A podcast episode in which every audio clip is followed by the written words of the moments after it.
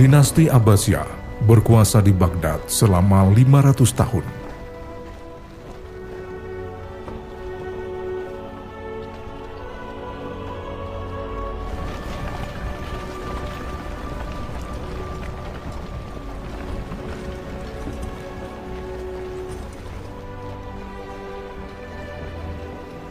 Dalam rentang waktu yang sangat panjang itu, meninggalkan warisan budaya, terutama bidang arsitektur Islam yang sangat mengagumkan.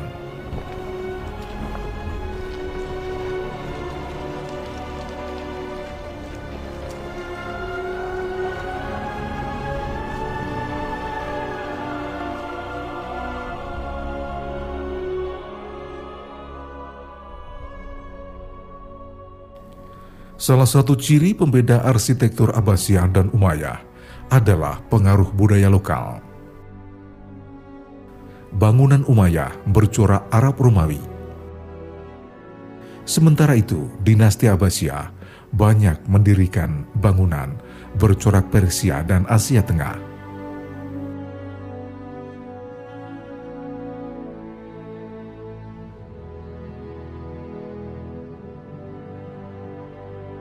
Perkembangan arsitektur Islam yang sangat pesat terlihat pada penggunaan teknik batu bata dan seni arsitektur Persia yang diterapkan pada bentuk bangunan, yakni ruang beratap atau berkubah terbuka pada salah satu pinggirnya. Perkembangan lainnya adalah pada cara pengembangan bangunan lain yang menjadi fasilitas publik seperti istana dan bangunan untuk kepentingan sosial.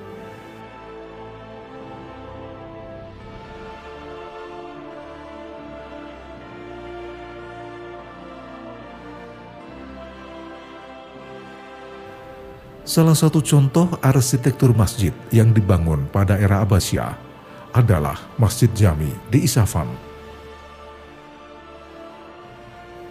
Pola perencanaannya terdiri dari penampilan pemakaian lengkung-lengkung atau iwan sebagai bentuk keseluruhan. Sedangkan kelengkapan bangunan yang sangat menonjol adalah menara.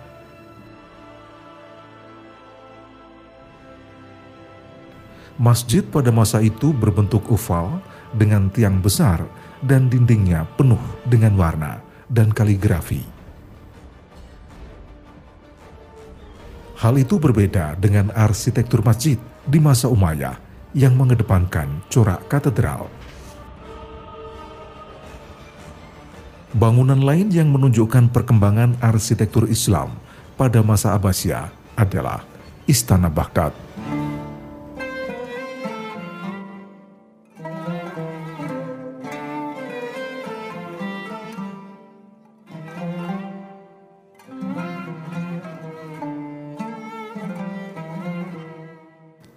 Beda dengan masa Umayyah dan Abbasiyah, kerajaan Utsmani meninggalkan khasana arsitektur yang sangat beragam. Mulai dari istana, benteng, masjid, hingga pemakaman. Pada saat itu, bangunan-bangunan yang berdiri umumnya menampilkan corak berbeda dari arsitektur sebelumnya.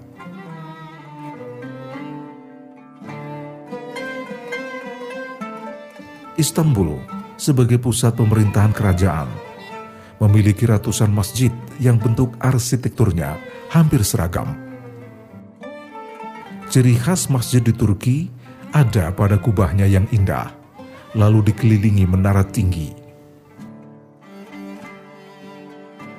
Selain tipe masjid kubah, umat Islam pada zaman Utsmani juga menampilkan tipe masjid lapangan dan masjid madrasah.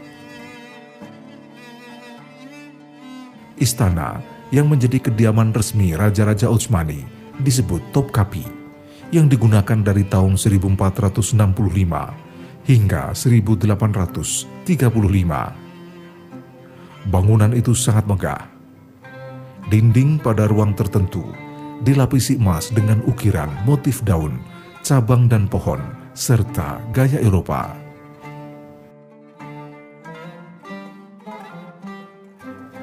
Tahun 1835, Raja Utsmani tak lagi mendiami Topkapi, tapi pindah ke Dolmabahce yang berarsitektur lebih modern dan tentu saja lebih mewah. Pola baru dalam perkembangan arsitektur Islam gaya Utsmaniyah adalah munculnya perencanaan bangunan oleh arsitek yang pernah belajar di Yunani, yakni Sinan. Sinan tercatat telah merancang sekitar 300 gedung penting selama hidupnya Selain masjid, Sinan juga merancang bangunan istana, kantor kerajaan, dan makam tokoh-tokoh penting. Sinan adalah arsitek resmi kerajaan Utsmani dan posisinya sejajar dengan menteri di dalam pemerintahan. Karya terbesar Sinan adalah Masjid Agung Sulaiman di Istanbul yang dibangun selama tujuh tahun mulai tahun 1550 sampai 1557. Masjid yang kini menjadi salah satu objek wisata dunia itu, interiornya sangat mewah. Masjid Agung Sulaiman juga menampilkan pertautan simbolis antara kemegahan masjid sebagai lambang sultan yang besar kekuasaannya dengan keagungan sebagai sarana keagamaan. Perpaduan itu ditampilkan melalui menara yang langsing dan tinggi, seolah muncul dari lengkung-lengkung kubah dan melesat lepas ke langit. Istanbul juga memiliki satu masjid yang arsitekturnya menjadi kekaguman dunia, yakni Masjid Biru. Seperti namanya, masjid itu interiornya didominasi warna biru, dibangun oleh Mehmet Aga murid Sinan. Pembangunannya atas perintah Sultan Ahmad I yang berkuasa dari tahun 1603 hingga 1617. Masjid Biru dibangun selama tujuh tahun dengan arsitektur penggabungan dua prototipe rumah ibadah yakni Katedral Hagia Sophia dan Masjid Sulaiman.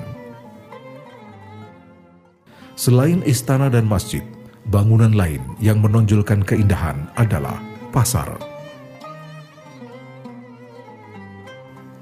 Peneliti dari Research Associate di Roma, Eleanor Sims, mengungkapkan, di kota-kota dunia Islam, pasar menjadi area bersama untuk tempat berteduh, keamanan, sumber air, pertemuan berbagai bangsa dan budaya, juga pusat perdagangan. Pasar biasanya terletak di jantung kota, sehingga selalu dibangun dengan arsitektur yang indah dan nyaman. Madrasah yang berfungsi sebagai institusi pendidikan dan pengajaran, terutama ilmu-ilmu keislaman, tak luput dari perhatian para khalifah dan arsitek muslim. Sebagai sebuah bangunan terpisah dari masjid, madrasah fokus pada kegiatan pendidikan dan pengajaran Bangunan madrasah dilengkapi dengan ruang beratap atau berkubah terbuka pada salah satu pinggirnya yang berfungsi sebagai tempat pengajaran.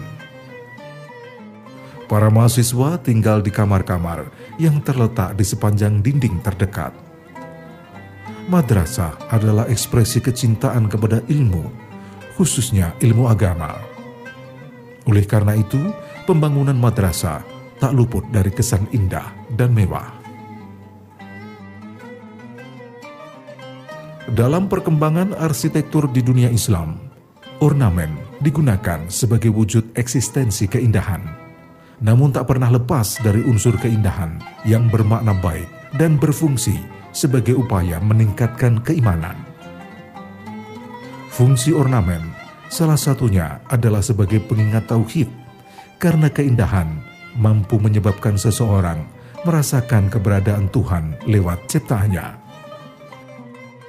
Dari sudut pandang Islam, menciptakan keindahan bukan sesuatu yang dilarang.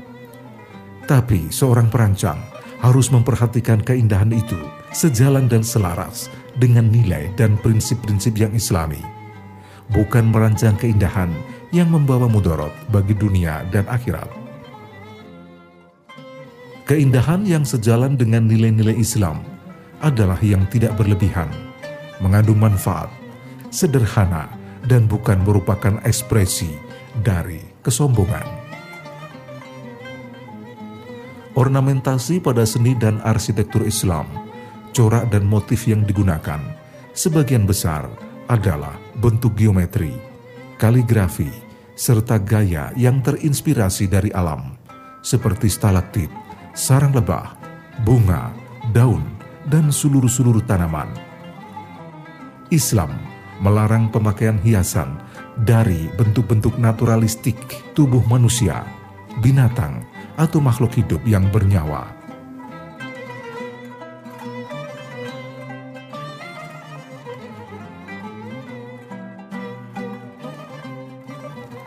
Selama beberapa puluh tahun terakhir, banyak perubahan terjadi dalam arsitektur bangunan di Timur Tengah maupun dunia Islam lainnya, termasuk di Indonesia.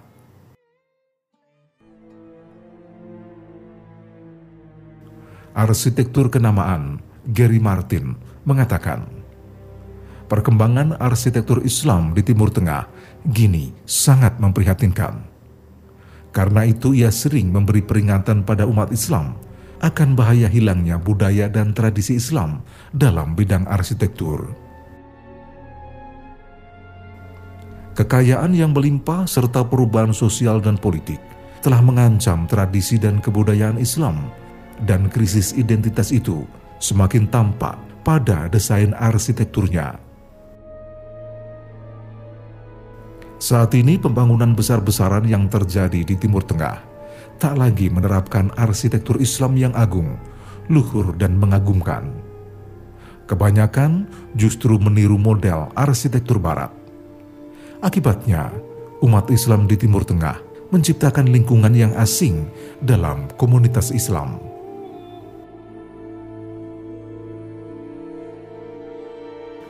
Dunia arsitektur Islam telah melalui sejarah dengan adaptasi dan respon berbagai budaya pada bangunan-bangunan tradisi sebelumnya tanpa pelemahan esensi spiritual yang menjadi sumber inspirasi. Namun, kini terjadi krisis identitas di bidang arsitektur Islam yang disebabkan karena esensi spiritual yang semakin melemah. Arsitektur kini tak lagi menjadi sumber inspirasi menuju ilahi.